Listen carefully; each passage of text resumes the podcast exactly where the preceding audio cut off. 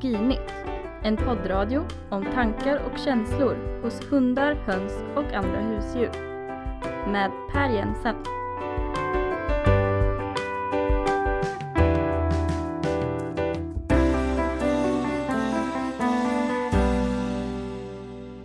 Mona, Mm. eh, våra två hundar Nisse och Majken eh, som vi har omkring oss eh, hela dygnet jämt. Tror du, att, tror du att de vet att de finns? Ja, det tror jag. Det kan kännas fullständigt självklart. Att det, det är väl klart att, att en, en, en hund som ser ut som om den känner och så vidare, att den också vet att den finns. Men det här är ju faktiskt en av vetenskapen och vetenskapshistoriens allra, allra största frågor. Därför att den är så otroligt svår att besvara. Hur vet man att en annan individ Vet. vet att de finns egentligen? Men spelar det så stor roll egentligen? Det kan man verkligen fråga Ja. sig. Det är en av de saker vi ska eh, fördjupa oss lite grann i. För den här, det här poddavsnittet ska vi ta oss an en av de absolut största frågorna i vetenskapshistorien. Vad är medvetande och hur mäter man det? Och det är jag, Per Jensen, som är professor i etologi vid Linköpings universitet som sitter här. Och Mona Jensen, matte till Nisse och Majken, dansk-svenska gårdshundar. och eh, gymnasielärare i biologi och med, med, med, med rätt mycket kunskap i de här frågorna om hur hjärnan fungerar och, och, och sådana saker också. Och det är det som det hela ska handla om. Ehm, ja, alltså hur, hur, hur vet man om ett djur är medvetet eller inte? Och va- varför är det här ett problem till att börja med? Jag vet inte riktigt eh, var det här egentligen började men en person som man brukar peka ut i sammanhanget är den franske filosofen Descartes. Känner du till honom? Mm. Och jag tycker är en sorglig, eller en förskräcklig historia runt omkring honom. Han var ju drottning Kristinas hovfilosof. Ja, Och kallar man honom- honom för filosofins fader så... Och hon, hon drog ju upp honom ifrån Frankrike till kalla Sverige och här stod han inte ut många månader innan han dog i lunginflammation på grund av Ja, det var ju synd om honom. Ja, det var väldigt, väldigt sorgligt. Men en av de många saker som han är känd för, för eftervärlden, det är ju att han ansåg att djur är maskiner. Ja, det var inga roliga historier faktiskt. Och, och det här lever med oss, eh, tror jag, än in i denna dag där man då menar att man, man måste på något sätt eh, ha eh, ovedersägliga bevis för att djur verkligen är medvetna. Och nu för tiden så skiljer man upp det här med medvetande ofta i, i, i tre olika nivåer. Man pratar om perception, medvetande och självmedvetande. Där perception på något sätt är då den här förmågan att känna till exempel smärta eller eh, rädsla. Och sen medvetande i nästa steg, det är liksom att vara medveten om den här känslan. Och Det där är inte så lätt att förstå vad skillnaden är men man kan ju liksom tänka sig eh, hur, hur är det för en höna som man hugger huvudet av på en huggkubb. Eh, de som har någonsin har varit med om något sånt eh, vet ju att eh, själva kroppen som då är skild ifrån huvudet beter sig under ganska lång tid som om att de verkligen har ont och är rädda. Men det kan de ju inte ha för Men man kan fråga sig vad som för sig går i huvudet då. Ja, det kan man ju naturligtvis göra. Så därför så, så, så, så försöker i alla fall filosoferna skilja på det här. Alltså perceptionen är själva nervsignalerna och reaktionerna på dem. Medvetande, det är liksom insikten att aj, det där gör ont. Men måste man tänka alltså aj, det här gör ont. Ja, inte med ord, för det har ju inte djur. Va? Och det tredje nivån då, det, det är ju självmedvetandet som då är ännu mer eh, svårt att egentligen ta till sig vad det där är för någonting. Självmedvetande skulle då på något sätt vara insikten att det är jag som har ont. Det finns ett jag. Per Ett Jensen. Karlsson på taket låter det lite som. Ja, eh, någon liten eh, jag-figur som sitter där inne i hjärnan och betraktar de här känslorna och på något sätt inser att ja, jag finns och det är jag som har ont. Man, man ska nog säga direkt att det här är ju faktiskt eh, till stor del filosoferna som har, eh, som har ägnat sig åt den här uppdelningen och det är kanske inte alltid så att biologerna riktigt är med på noterna här men jag tänkte att innan vi fördjupar oss ännu mer i eh, medvetande, självmedvetande hos hundar och andra djur så måste vi på något sätt ta reda på vad, vad, vad är medvetande? Vad, vad, säger en, vad säger forskningen egentligen om det här? Och eh, ja, jag ringde upp någon som jag tänker borde veta rätt mycket om hur hjärnan fungerar och hur medvetande uppstår. Eh, och det är Åsa Nilssone. Mm. Åsa är professor i psykiatri vid Karolinska institutet men hon är också väldigt känd i hundkretsar. Hon har ju två kinesiska nakenhundar och Eh, hon har ju varit väldigt framgångsrik i eh, hundringen både i freestyle och nosework och gud vet allt. Men om någon skulle kunna besvara frågan vad är medvetande så är det väl Åsa. Så vi ska lyssna på vad hon säger.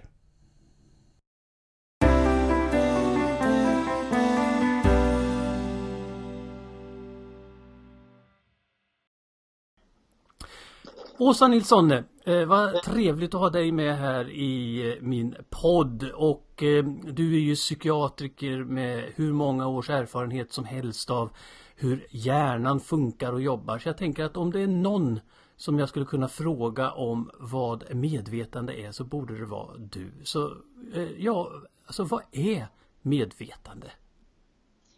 Ja, till att börja med så verkar det ju som att ehm, det beror rätt mycket på vem man frågar. Det finns ju enormt mycket skrivet och tänkt och forskat och så vidare kring, eller det finns mycket skrivet om och forskat på om medvetande. Och det är ju alltifrån filosofer som försöker lösa frågan om vad medvetandet egentligen är för någonting genom att tänka och det är folk som är mer experimentellt lagda som forskar på hjärnor när vi är medvetna och omedvetna och försöker titta på vad är det för skillnad i hur hjärnan arbetar. Ja. Och som psykiater blir man faktiskt alldeles för sällan tillfrågad tycker jag. Alltså, men du ja. måste ju ha erfarenhet ändå. Du vet ju hur hjärnan ser ut inuti och, och vilka olika funktioner som finns där. Ja, fast ofta så är det ju inte så lätt att riktigt förstå hur det som händer kopplas till det vi vet. Det finns alltså glapp här och där. Mm. Men just när det gäller medvetandet så är det ganska klart att för att man ska ha medvetande överhuvudtaget alltså vara vaken, kunna ta in sinnesintryck, kunna agera och så vidare, så behöver vi en hjärnstam som fungerar. Vi mm. behöver en talamus som fungerar och de ska vara uppkopplade mot resten av hjärnan. Mm. Och det är ju en ganska basal egenskap, verkar det som, hos eh, en levande varelse, att, att ha den här aktiviteten.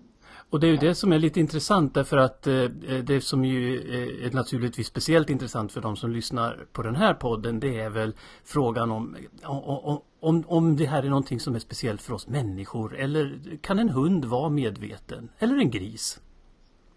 Det beror, verkar också bero väldigt mycket på vem du frågar därför att en del medvetandeforskare och kanske särskilt sådana som kommer från en humanistisk bakgrund de kan ju till exempel tänka att det behövs språk för att vara medveten. Man måste mm. alltså kunna säga att jag upplever det här eller jag ser det där för att det ska räknas som riktig medvetenhet och i så fall så ligger kanske en dagmask ganska pyrt till. Ja, en dagmask kan jag tänka mig men, men en annan som ligger pyrt till det är väl till exempel det sex månaders gamla barnet va? Ja men visst.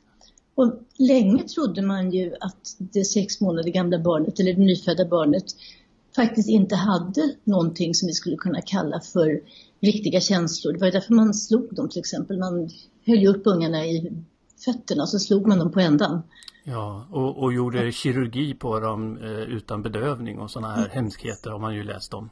Ja, därför att det ansågs att, att i och med att de inte kunde uttrycka sig så kunde de inte känna längre. Och det finns ju ett antal ganska, det är sorgligt att man behövde göra de här experimenten, men dock lite kluriga experiment som har visat att de känner ju visst och de kommer ihåg och smärtupplevelser kommer att påverka deras fortsatta sätt att hantera smärta. Mm. Det var ju den här killen med omskärningen. Känner du till det experimentet? Nej, nej, nej, det får du gärna berätta lite om. Jo, frågan var då om man, om man skär av förhuden på ett mycket litet barn. Då ska vi tänka på att förhuden är, bortsett från ögats yttre delar, den mest innerverade delen som finns på kroppen. Mm. Om man då kör av förhuden på ett litet barn eh, så skriker naturligtvis barnet. Och då är frågan, men hade det barnet verkligen ont? Eller Var det här liksom bara någon slags reflex eller någon instinkt eller vad du vet? Ja. Jag tog den här mannen och um, gjorde en väldigt enkel undersökning. Han lokalbedövade hälften av ungarna som skulle omskäras och lät den andra halvan bara omskäras på vanligt sätt. So far so good. Och han mm. något som jag tycker är så galet smart. Mm. Det tittade han på när de blev vaccinerade senare vid fyra månaders ålder och sex månaders ålder och nio månaders ålder eller vad det nu var. Så kollade han hur mycket skriker de? Mm. Alltså vad händer nästa gång de råkar ut för någonting som gör ont? Och då visade det sig att de små pojkarna som inte hade fått bedövning skrek mer. Ah. Och då drog han slutsatsen att deras smärtsystem har primats på något sätt ah. av den här antagligen ganska fasansfulla smärtan som, som de upplevde när de var väldigt, väldigt unga. Och sen efter det så har man börjat, börjat äh, naturligtvis att göra kirurgiska ingrepp med bedövning. Det är ju sorgligt att man ska behöva göra sådana experiment naturligtvis. Ehm, och det vill vi ju inte göra på våra hundar. Eh, men jag menar i och med att ett barn då utan språk kan vara medvetet så är det väl ganska rimligt att anta att även hundar är det. För jag menar så stor är väl ändå inte skillnaden i hjärnans grundläggande funktioner? Alltså de som utforskar medvetandet utifrån ett hjärnperspektiv de säger ju att eh, det är just de här delarna av hjärnan, det är ju väldigt ursprungliga delar där skillnaderna mellan till exempel en hund och en människa är ganska marginella. Och med andra ord så finns det ingen anledning att tro att inte hundar upplever någon typ av medvetenhet som är ganska snarlik våran. Mm. Men frågar man filosofiskt inriktade människor, då är de mer dualistiskt orienterade ofta och tänker sig att om det finns någonting utöver materien och det finns någonting oförklarligt i det här, att vi faktiskt upplever någonting och det måste finnas någon ja, immateriell del av det här som, som man då oftast inte letar hos, hos, efter hos hundar. Men hos tittar man ju liksom bara, jaha, liksom nu är den här delen av hjärnan igång, det ser likadant ut som på människor. Så det är väldigt mycket en fråga om vem man, liksom vilken grupp av medvetande forskare man läser och intresserar sig för. Men, men, både du och jag är ju eh, ganska naturvetenskapligt inriktade och eh, eh tror jag eh, fäster ganska stor vikt vid eh, liksom själva mekanismerna och mekaniken i det hela. Och, ja, alltså, Finns det någonstans i hjärnan där man har liksom kunnat peka på någon liten kärna och säga där sitter medvetandet och så kan man då jämföra och se, finns den där lilla kärnan hos en hund också? Alltså hade det funnits en sån liten kärna så hade ju allting varit mycket lättare. Det visar sig att det gör det inte. Utan för att man ska uppleva någonting som skulle kunna vara ett fullt ut fungerande medvetande så krävs det aktivitet i många olika delar av hjärnan. Då, om man tar det från botten ner, hjärnstammen och sen eh, talamus och sen olika förgreningar ut från talamus och sen ett återkopplingsloop. Och den ser då som sagt, så vitt man kan se, ganska likartad ut om man tittar på en hund eller en människa. Mm. Ungefär belöningssystemet, det är också ett gammalt system. När man började utforska det i detalj så visade det sig att det går nästan inte att skilja. Om man, om man liksom tittar på, på cellnivå så ser hundens belöningssystem nästan exakt likadant ut som vårat. Och därför måste man ju, det är svårt då att inte tänka sig att hunden har samma typ av förväntan som vi har när belöningssystemet går igång. Samma typ av glädje när vi lyckas, samma typ av besvikelse när vi misslyckas. Därför att hela mekaniken ser likadan ut. Och, och alltså, just nu så pratar vi ju om ganska, ska vi säga, esoteriska saker här för jag tror att för den eh, hundägaren i gemen så det, man ifrågasätter väl knappast att hunden som hoppar omkring och, och, och, skuttar och ser glad ut när man kommer hem ifrån jobbet faktiskt också känner någon typ av glädje och upplever det här på, på ett sätt som eh, åtminstone på något sätt måste påminna om våran egen glädje. Eller håller du med om det? så, så, från ditt perspektiv, skulle ditt grundtips ändå vara att eh, ser en hund glad ut så är den glad? Absolut skulle det vara mitt grundtips. Och tidigare så kunde man ju då bli eh, påhoppad av någon som säger ja men du förmänskligar hunden och du bara tolkar in det som du vill se och, och så vidare. Men idag då när vi faktiskt kan jämföra vad som händer i hjärnan på en människa som får se en bild av någon som de tycker om och hjärnan på en hund som får se en bild av någon som de tycker om så vet vi att det är analoga processer som går igång. Mm. Det är liksom, jag, jag uppfattar inte längre att det här är någonting som man kan ha någon egentlig åsikt om utan om, om man får på de studier som görs av hjärnan så måste vi konstatera att hundens känsloliv är likt vårat, även om de då inte sätter ord på det på samma sätt som vi gör. De har ju sina ord. Mm. Men eh, en sak som i alla fall eh, jag tycker är lite förvirrande, även om jag och har jobbat i det här fältet med beteende och, och djurs eh, känslor och sånt rätt så länge. Det är ju då skillnaden mellan att vara medveten och att vara självmedveten. Det är ju något som många filosofer eh, fäster väldigt stor vikt vid. Men, men hur ser du på det här då från din utgångspunkt som psykiatriker? Vad, vad är skillnaden? Jag tycker det är väldigt fascinerande därför att tittar man på den filosofiska litteraturen då är det här en stor grej. Alltså att jag vet att jag vet. Mm. Jag kan observera mig själv medan jag tittar på den här blomman och vet att det är jag som ser den här blomman och så vidare. Tittar man i den litteraturen när man just är in och tittar på vad som händer i hjärnan så är detta en icke-fråga. Mm. Alltså om man är medveten om sitt medvetande eller om man är medveten om en blomma så verkar det som att det är samma strukturer som, som är aktiva. Och den filosofiska falangen vill ju ha det till ibland att det är just självmedvetenheten då som skulle vara unik för människan. Men den har man inte lyckats hitta någonstans. Mm. Det närmaste man kan komma kanske det är om man tittar på frontalloberna som ligger liksom precis innanför pannan då, den prefrontala delen av dem där, där väldigt många av våra upplevelser processas och sätts in i en kontext. Så har det visat sig att om jag upplever någonting ur mitt eget perspektiv, om jag säger så här till dig att, att Åh, jag såg en blomma, den var så fantastiskt vacker och sen plötsligt så, så kom en ko åt upp den här blomman och jag blev så galet ledsen när jag bara satt och grät resten av dagen. Då processar man det här liksom inne i. Om man tänker sig att, att de två hjärnhalvorna ligger tätt an mot varandra, så där de möts där framme.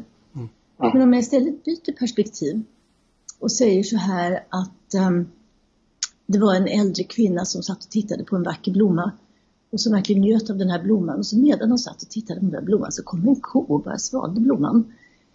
Då processar jag samma sak fast utifrån ett annat perspektiv och då flyttar man bearbetningen ut på sidorna. Alltså ungefär som om man håller fingrarna liksom mot pannan lite ovanför ögonen. Så då flyttar man, när man byter perspektiv så flyttar man plats för bearbetningen. Mm. Och gör man det så kan man också påverka sina känslor därför att när man upp, tänker på saker ur ett jag-perspektiv så drar man igång mera känslor.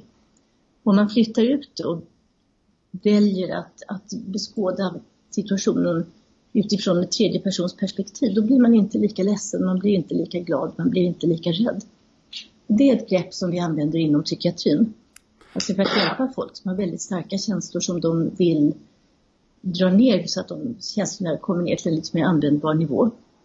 Men det, det, där är ju väldigt intressant för det där påminner ju rätt mycket om det här begreppet mentalisering eller theory of mind, alltså förmågan att eh, se Eh, någonting utifrån en annans perspektiv, att liksom tänka sig in i en annans upplevelser och det där är ju någonting som man har funnit att eh, faktiskt eh, ganska många andra djur än människor verkar besitta stora apor men även hundar. Eh, eller? Det, det låter ju onekligen fantastiskt användbart att ha lite theory of mind om man nu är en socialt levande art.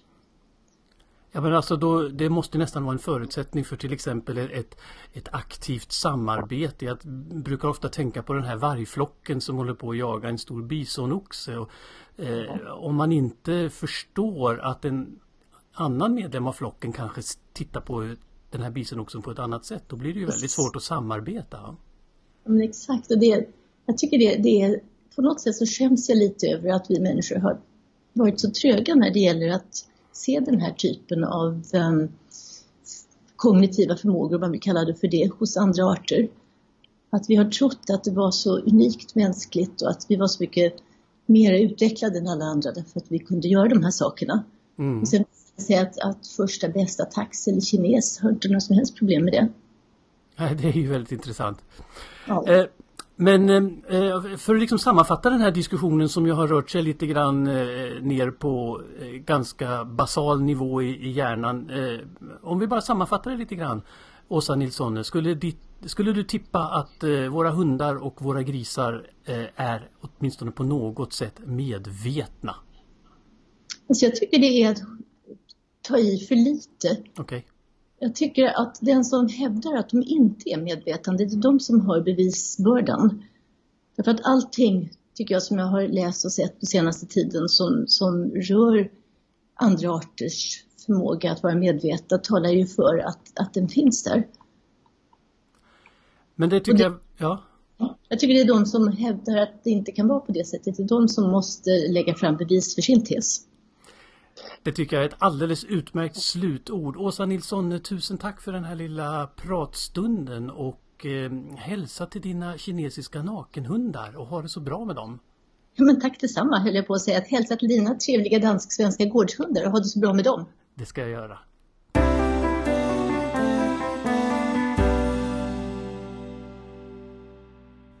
Åsa Nilsson, det var det. Eh, hon eh, har ju skrivit eh, böcker om sina hundar, och inte minst om sin eh, kinesiska nakenhund mm. Zelda. En väldigt fin bok. Den rekommenderar jag. Ja men det gör mm. vi, det tycker jag. Ja, det skickar med från den här podden. Och vi kan också berätta för de som tycker om Åsas författarskap att i höst kommer hon faktiskt med en ny bok som handlar om Zeldas filosofi. Mm. Och, och, Kanske Zeldas medvetande då? Ja, det mm. får vi väl hoppas. Men det här med eh, att rent forskningsmässigt, rent vetenskapligt eh, eh, ta sig an frågan om är ett djur medvetet? Det är ju inte helt lätt. Man kan inte prata med dem. I alla fall kan man inte förvänta sig ett svar på ett språk som vi kanske förstår. Så man måste hitta på olika experiment. Eh, och ett sånt här klassiskt experiment som har kommit att bli lite av vattendelaren i det här området. Alltså klarar ett djur det här experimentet, då är de självmedvetna. Om de inte klarar det, ja då är det mera frågetecken. Och det är, eh, eh, handlar om djurs förståelse av speglar och spegelbilder. Han som uppfann det här, eller utvecklade mm. metoden, det var en amerikansk psykolog som heter Gallup.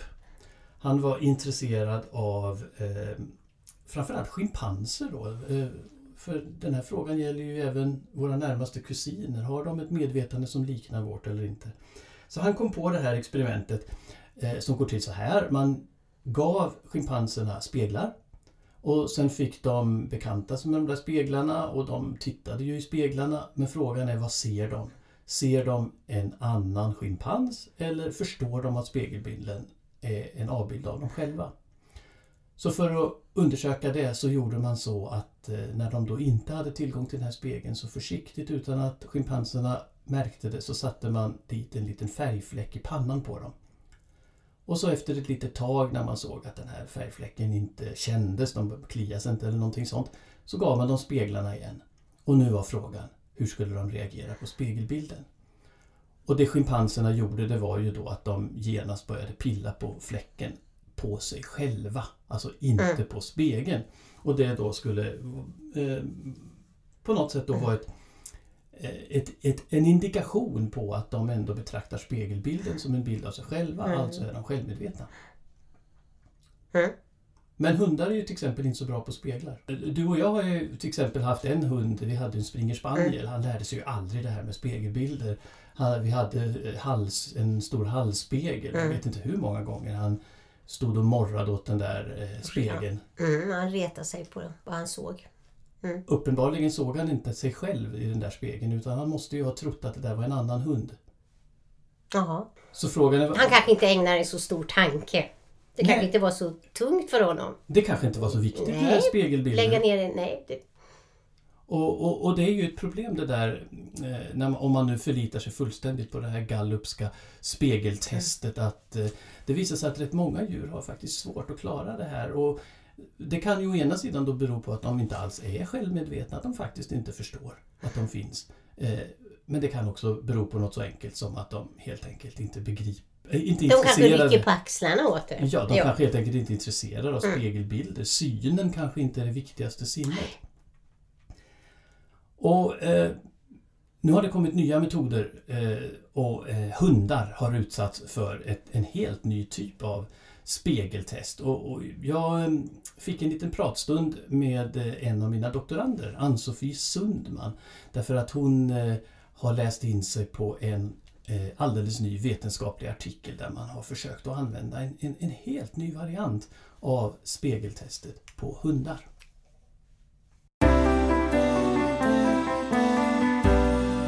Men anledningen till att vi sitter här och pratar du och jag, det är ju att vi hade ett litet lunchseminarium för en tid sedan och då tog du med dig en eh, relativt nypublicerad vetenskaplig artikel och presenterade för forskargruppen och det är den vi ska prata lite grann om idag. Ja, eh, det är en, eh, en, en forskare som heter Alexandra Horowitz. Hon jobbar i USA mm. och hon har funderat på det här med spegeltest och vad som skulle vara relevant för hundar. Ja, om de nu inte tycker om att titta i speglar, vad tycker hundar om? Precis, och det sinnet som hundar använder sig mest av är ju luktsinnet. Precis. Så det hon funderade ut, det var ju då att göra något liknande spegeltestet, men istället använda lukter. Eh, då hon samlade in urin från hundar. Mm. Eh, Bara det? Ja. det var en rolig liten grej för att vara med i den här studien. Eh, dels så fick hundarna lukta då på sitt eget urin eh, kontra främmande hunds urin. Eh, men också så gjorde hon en manipulering av urinet mm. så att det inte riktigt luktade som de själva. Hon tillsatte någon liten, något ämne till ja, urinprovet? Ja, precis. Så att det luktade lite som de själva men ändå inte riktigt. Ungefär då kontra spegeltestet där de sätter en liten prick i pannan på en schimpans och de försöker ta bort den. Ja exakt, ser, för då ser, ser schimpansen att där är jag men jag ser inte ut riktigt som vanligt. Så då eh, gjorde de det här med lukter då istället. Ja, så hunden skulle alltså lukta på det här och tänka det här luktar ju som jag fast ändå inte riktigt. Nej. Och en, en del i spegeltestet som de mäter när de tittar på det här är ju hur länge de tittar på sig själva. Om de verkar eh, förhålla sig till den här fläcken som de har satt dit, om de tittar lite extra när de har just den där fläcken. Eh, och det är just det som hon mätte även med eh, lukten hos de här hundarna. Då. Mm, alltså att, hur mycket hundarna var intresserade av ja, just den här burken då beroende precis. på om man hade manipulerat lukten eller inte. Ja, mm. exakt. Och då visade hon att de var mer intresserade av den lukten som var manipulerad än eh, den egna vanliga eh, lukten då som hundarna var vana vid. Mm. Så det verkar ändå som att hundarna tyckte att den här doften var något speciellt med den eftersom de nosade extra mycket på den mm. kontra mm. de andra som hon testade emot. Men tänk om det bara var så att hundarna bara var intresserade av det här nya ämnet då? Det var det som var spännande. Hur mm. kunde man veta att det var liksom kombinationen här som var... Jo precis och det testade de förstås också för att ta reda på det. Eh, och då eh, testade de den manipulerade, eller tog bara det här extra ämnet som de la till Eh, dels så hade de någon typ av, eh, ja vad var det nu, något eh, frukt, fruktigt så. Ja. Eh, och kontra då den här den manipulerade doften och då visade det fortfarande att hunden var mer intresserad av det, den, då, den manipulerade egna doften ja. än den, bara ämnet i sig. Så det var just precis när den egna doften hade förändrats på något sätt som det blev riktigt intressant. Ja. ja. Så det var det de la mest märke till. Det här är ju eh, lite nytänkande kan jag mm. tycka för att det, eh, det har gjorts man har ju använt de här spegeltesterna på en massa olika djurarter och, och en del verkar ju förstå vad det handlar om och andra eh, är lite sämre på det där. Men det här är ju ett, ett nytänkande för man använder sig av ett helt annat sinnes spektrum. Ja, men så är det och, eh, Grundtanken i det här var att hitta någonting som hade biologisk relevans för hundar. Mm. Och det är ändå lite så man får tänka. Jag tycker att det är väldigt bra, eller väldigt smart sätt att, att fundera kring det här. Mm. För eh, ja men vi eh, och eh, till exempel gorillor och schimpanser vi har ju mycket men självputsningsbeteenden eller gruppputsningsbeteenden ja. eh, på ett sätt som hundar definitivt inte har. Eh, och inte alls är intresserade av. Utan istället då, deras sinnesbild är ju snarare lukten. Ja. Att det är den som de använder sig mest av. Ja, man kan ju fråga sig, alltså Om man tänker sig att man gör det här klassiska spegeltestet med hund, skulle de överhuvudtaget bry sig om om det sitter en fläck i pannan? Jag menar mina hundar de rullar sig i saker som de hittar ute och jag tror inte att de bryr sig så mycket om hur de ser ut. Nej, nej, exakt. Inte mina heller. Nej, så det här känns ju som ett betydligt mer relevant. Men eh, har forskarsamhället köpt det här? Är, det, är, är alla nu eh, övertygade Mm. om att hundar är lika självmedvetna som schimpanser? Alltså, Alexander Horowitz eh, tycker ju att hon har bevis för att de definitivt är självmedvetna. Sen finns det ju kritik såklart eftersom Mm. det är vi är forskare. Exakt, det är Eh, vårt jobb att inte hålla med varandra. Exakt, exakt. Så eh, de, eller den här personen som skapade spegeltestet från början har lyft lite kritik mot det här sättet. Mm. För en av de viktiga saker enligt den forskaren det är att de ska visa något typ av beteende mot sig själva. Mm. Alltså en, en schimpans som ser en fläck i pannan och försöker ta bort den. Det är då de visar ett självmedvetande. Alltså just det där Mm. själv... Någon slags självinsikt. Ja, men precis. Eh, Så det, det han skulle vilja sett på hundarna, det är att de i så fall luktar på den här manipulerade lukten och sen luktar på sig själva. Mm. För att de också ska visa, vänta nu här, luktar jag på det här viset? Mm. Eller hur ska, hur ska det vara egentligen? Så det saknar eh, den här personen, eh, i alla fall, i den här studien. Det är klart att han försvarar sin ursprungliga Exakt. idé här men vi som är vana vid hundar vi vet ju att riktigt så fungerar de inte. Nej, precis. Jag tycker inte det har speciellt mycket biologisk relevans heller. Eh, just det.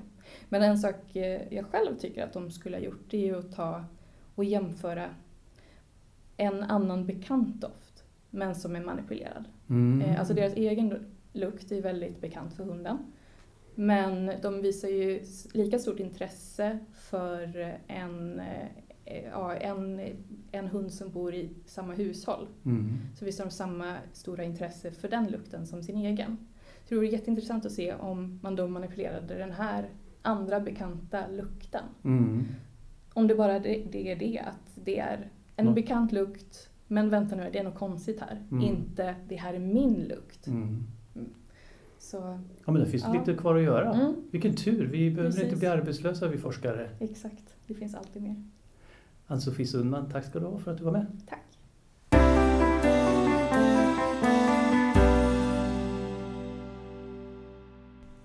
Ja, där ser man. Mm. Speglar och, och spegelbilder men man kanske inte alltid måste ha en synspegel. Det här var ju en, en, en duft, doftspegel, Mm. en luktspegel. Men det, vi, har ju, vi utgår ju liksom alltid från det mänskliga och försöker hitta där. Och vi kan ju inte föreställa oss den här luktvärlden. Nej, och, och jag tänker delfiner och eh, fladdermöss till Mm. exempel som lever i en ekovärld. Alltså hur skulle man hitta på en spegel för Mm. dem? Mm. Eh, Men jag tyckte det här var ganska eh, kreativt Mm, sätt att, roligt. att närma sig det hela. Eh, Frågan är nu då, om det nu är så att det här kan tolkas som att hundar faktiskt är medvetna och självmedvetna. Hur är det då med till exempel alla de här djuren som vi äter? Mm. Och då kommer vi tillbaka till din ursprungliga fråga här Mona. Spelar det någon roll? Mm. Tror tycker du att det spelar någon roll om en gris är medveten och självmedveten eller inte? Det viktigaste är väl alltså känslo, känselvärlden. Sen hur de hanterar smärta och rädsla och sådana saker. Om de tänker jag är rädd eller rädsla, det spelar inte så stor roll. Alltså, För alltså det är ju lika... För individen måste det ju vara lika... eh, men, men en tanke som jag tror många har här det är ju att eh, eh, om man tänker sig då grisar som går omkring i en box på en, en bondgård. Om de bara så att säga reagerar på det som händer runt omkring dem så är det mindre allvarligt att behandla dem illa jämfört med om de också samtidigt går omkring och tänker att jag finns och det är jag som genomlever det här. Då har vi det här spegeltestet, Gallupska spegeltestet och en som har eh, använt sig av en liknande variant just på grisar är den eh, brittiska etologen Donald Broom. Donald Broom är ju en riktig nestor kan vi väl säga Mm. i den här eh, världen av djurskyddsforskning. Han har jobbat i decennier och eh, eh, undersökt beteende och djurskyddsrelaterade eh, frågor på alla möjliga husdjur som vi då använder ute i lantbruket och bland annat grisar. Eh, så att jag tog kontakt med Donald Broom. Jag fick tag på honom i hans eh, lilla sommarstuga nere i Frankrike där han befann sig eh, när jag eh, äntligen fick en liten intervju med honom och pratade om hans experiment med grisar mm. och speglar. Du har lyssnat på den här intervjun innan. Tyckte du att det var svårt att förstå hans engelska? Nej, det tycker jag inte. Han pratar så fin engelska. Jag får lite dåligt samvete i den här podden för ibland så tar jag ju in eh, utländska kollegor och vi brukar inte översätta utan vi låter dem bara prata på och så hoppas vi att våra lyssnare hänger med någorlunda. Eh, så, men Donald Broom pratar ju väldigt bra engelska mm. så att vi får hoppas Eller det är liksom tydligt så tror jag. Mm. Vi hittade ett par saker. Animal Welfare Science pratar han om. Mm. Uh, djurskyddsforskning. Uh, och sen var det den här arten som han nämner också i intervjun. En magpie. Mm. Vad är en magpie? En skata tror jag. Absolut ja. är det en skata. Mm. Som man har också gjort de här experimenten på. Men vi ska höra vad Donald Broom eh, har att berätta om sitt spegelexperiment på grisar.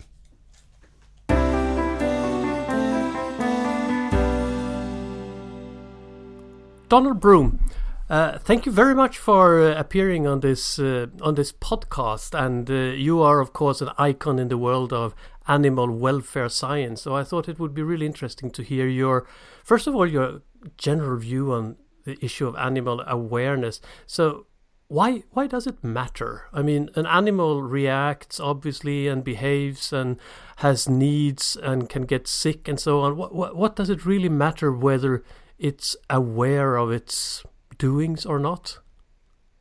Well, I would say in some ways it doesn't matter because I think that we should uh, treat all animals well, uh, whether whether they are very aware or very or they are not very aware. I think we have an obligation to treat mm. animals well if we are using them. But it is certainly the case that for many people, if the animal seems to be aware of its surroundings, if the animal looks back at you and it's responding to you and what you are doing, it's varying what it does according to the exactly what is going on in the world and what it is perceiving. And if it seems to have a high level of brain function, of cognitive ability, then people tend to have more respect for it. So saying that the animal is aware makes it less likely that people will be cruel to the animal, will cause it unnecessary harm. Do you think that it, that also matters to the, to the animal? Then you are kind of indicating that maybe it doesn't, but uh, but could it be, for example, that an animal that is aware of its uh, doings and existence is suffering more in a in a bad situation? Uh, it, it, it, it could be because there might be a greater greater range of possibilities for suffering in an animal which is more uh, which is aware, more aware, uh, so, but uh, uh, I think the thing that really counts is the welfare of that animal. And of course, we now have quite a lot of ways of measuring that, of assessing it scientifically. Mm. I think the ultimate thing which is important is that. But uh, if we are deciding how we're going to treat an animal, then uh, knowing the extent to which the animal can perceive and respond to and be aware of what is happening to it I think is uh, is is certainly important in our decisions about how we how we act from moment to moment towards that animal. Uh, and uh, regardless of all this, is of course uh, extremely exciting to try to find out what's going on inside the, the animal's brain. And when it comes to awareness and specifically self-awareness, this uh, uh, the the concept of mirror usage has become a, a kind of a uh, a hallmark of investigating this. And you have been doing some really interesting stuff on pigs. You actually showed in an experiment that uh, pigs are to some extent able to understand the concept of a mirror image. Could you just explain a little about how this experiment was carried out? Yes, what, what, what we did was we uh, put a, a pig in a situation where it could see a familiar food bowl uh, but it could see it in a mirror. And it couldn't see it directly because there was a solid barrier and which the pig couldn't see through. So it could see the food bowl in the mirror, but and then we we allowed the pig to go out of the cage uh, through a door and investigate that situation. And what uh, what the pigs generally did when they didn't know anything about mirrors was they walked behind the mirror mm-hmm. to mm-hmm. the virtual position of the of the image. But if we gave them five hours of experience, uh, we put two pigs together in front of a mirror and we just let them uh, in, investigate it. If we gave them that experience, then after they had had that experience, when they looked at the uh, food bowl in the mirror, then they uh, they didn't go uh, go around the back of the mirror. They went around the barrier and uh, went went to the food bowl, bowl, which was not directly visible. Mm-hmm. And so those two situations, uh, the one is a matching situation to the other. We also had fans and things to take the smell away, but both of those situations, in both of those situations, uh, the same smells and so on were present, but the uh, but the pig, which had had experience of mirror, used that information to go directly to the food which was only visible in the mirror. And what that means is it had learned that what is in the mirror is not is on this side and not the other side, and it is at an angle to where you're looking. You're looking slightly from one side, uh, uh, diagonally at the mirror, and that means the object is diagonally the other side of the of the vertical. And so uh, this is a very sophisticated thing for the for the animal to be able to learn. That's uh, actually quite amazing. Um, so uh, no one would expect them to understand the mirror the first time they actually see their own mirror image. But you even uh, write in your paper that there were some pigs that uh, seem to treat the mirror image as really an image of themselves. Was uh, how did you see that? Yeah. Yeah. So what we what you see when the pig is exposed to the mirror is that they uh, some of them look at it they act as if it's another pig and they move towards it. And sometimes they go right up to the mirror and hit it. But usually they stop before that. But they are obviously at the beginning viewing the image as another pig which is coming towards them.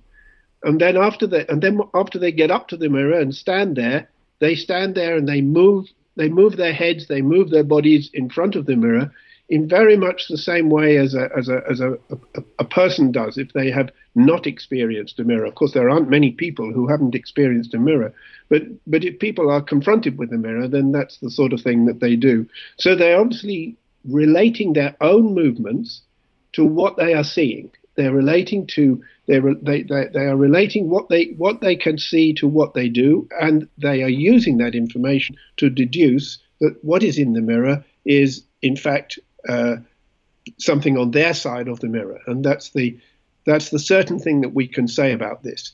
The, the, the thing we can't say exactly is whether they are identifying it as themselves, but it seems very likely that they are identifying it as themselves. But we can't say that for certain. Uh, so the, the, the the classical old uh, uh, watermark test for this is the, the Gallup test where uh, you paint something on, on the body of the animal and you see whether they investigate it. Uh, but in this case, it seems to me rather persuasive that these pigs actually appear to understand that the mirror reflects something of which they themselves are a part. Yes, we, we did we did studies in which we put a mark on the face of the pig but actually, uh, pigs spend quite a lot of time digging in the ground with their noses. They uh, they often have marks on their face, and the pigs didn't have any interest in a mark on, on the face. They didn't take any notice of it, and I think it's because well, marks on the face are not. They're, they're, well, they, they, didn't take any notice of it, it, but they are quite often in a situation where they would where they would mark themselves. But these pigs, the ones we studied, had never before we did the study, they had never seen themselves in a in a mirror or in water because we made sure they they couldn't see themselves in a water surface either. Um, so so it was a new experience for them, and it it did only take uh, five hours of of of that experience to change their behavior dramatically. The studies where animals have been uh, are shown themselves in a mirror with a mark on on them that that sort of thing has been done with with humans and chimpanzees and capuchin monkeys and an, one elephant and a dolphin and uh, and a magpie And there are also studies with a parrot which show that the parrot, these are the animals which have been demonstrated to be able to use information from a mirror. And our study added, well, we added the pig. In fact, the studies with the, the magpie and were, were done a little bit later. So th- this is very limited range of species which seem to be able to learn what is shown in a mirror. Right, but on the other hand, I don't think that all species have been tested either, have they? So no, no people have tried. Uh, people have tried to do it with dogs. They've tried to do it with with with uh, horses, and but I don't know whether they did it well enough because it actually it's quite a sophisticated study to do. You need to it needs to be very carefully controlled so that you don't have any other clues that the animal could have, uh, uh so that it could uh, get to the get to the, the thing it's trying to find, uh, or you, you, you need to do it very cautiously. So, uh, uh, not many people have done a really well controlled experiment with other species. And my guess is that when this is done, there will be more animals which can do it. So, uh, if we just uh, uh, kind of boil this down to the essence of the whole issue here, would you say that pigs are aware and have even some kind of self awareness? Well, I think that uh, very many animals have some degree of self-awareness. I mean, if if if if you just think of animals which are feeding, they hardly ever eat parts of their own body, and actually that means they must be aware of what is their body, and they are able to avoid eating things which are part of themselves. So they they have deduced that. I mean, in a sense, you have to be aware of yourself to do that. So that's a very straightforward thing, and many animals are able to do things like that. And when you look at how animals move around, they are clearly moving around in such a way that they are not damaging themselves and they must know exactly where they are and what their body is in order to be able to move around and not, not injure themselves. And there are many things, I think, in animal behavior which uh, strongly suggest to us that animals do have some awareness of themselves. So I don't think the mirror test is an, some some uh, special thing which has to be done in order to demonstrate self-awareness. But I think it is a it is a level of um, cognitive ability, a level of sophistication of brain function, uh, which is demonstrated when you do it uh, when you find that an animal can use information from a mirror. Right. And obviously, these pigs could really do that. And I think that's a really fascinating experiment. So, thank you very much, uh, Donald Broom, for uh, sharing this little chat with me and for enlightening me and my listeners. You're welcome. I'm very happy to be able to tell you that pigs are clever. Yeah, well, that's very good.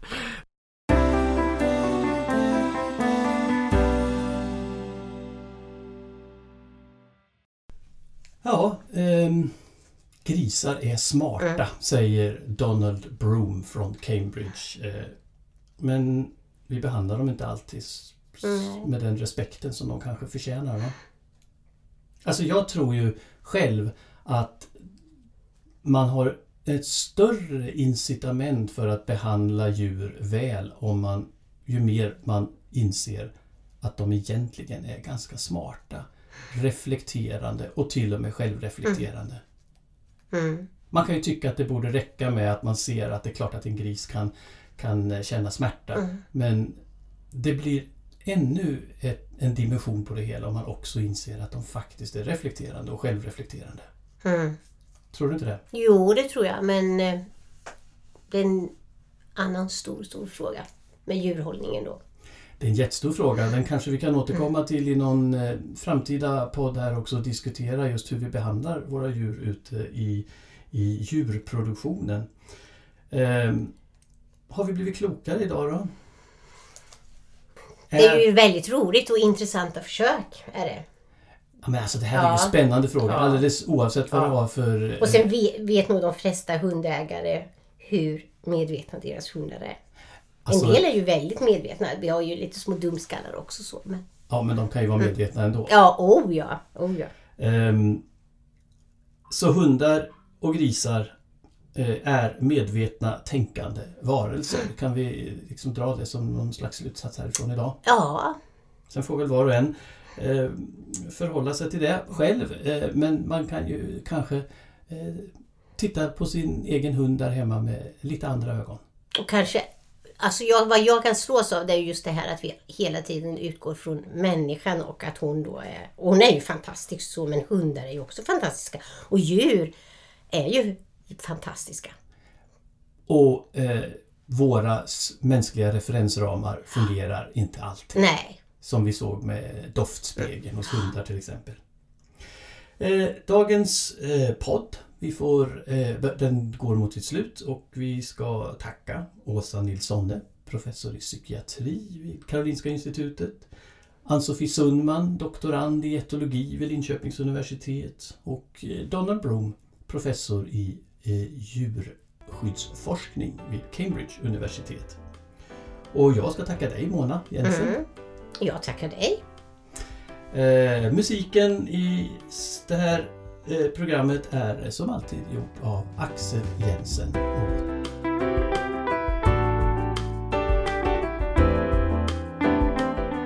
Du har hört Etologinytt, en poddradio från text, tal och ton. Producent och programledare var Per Jensen.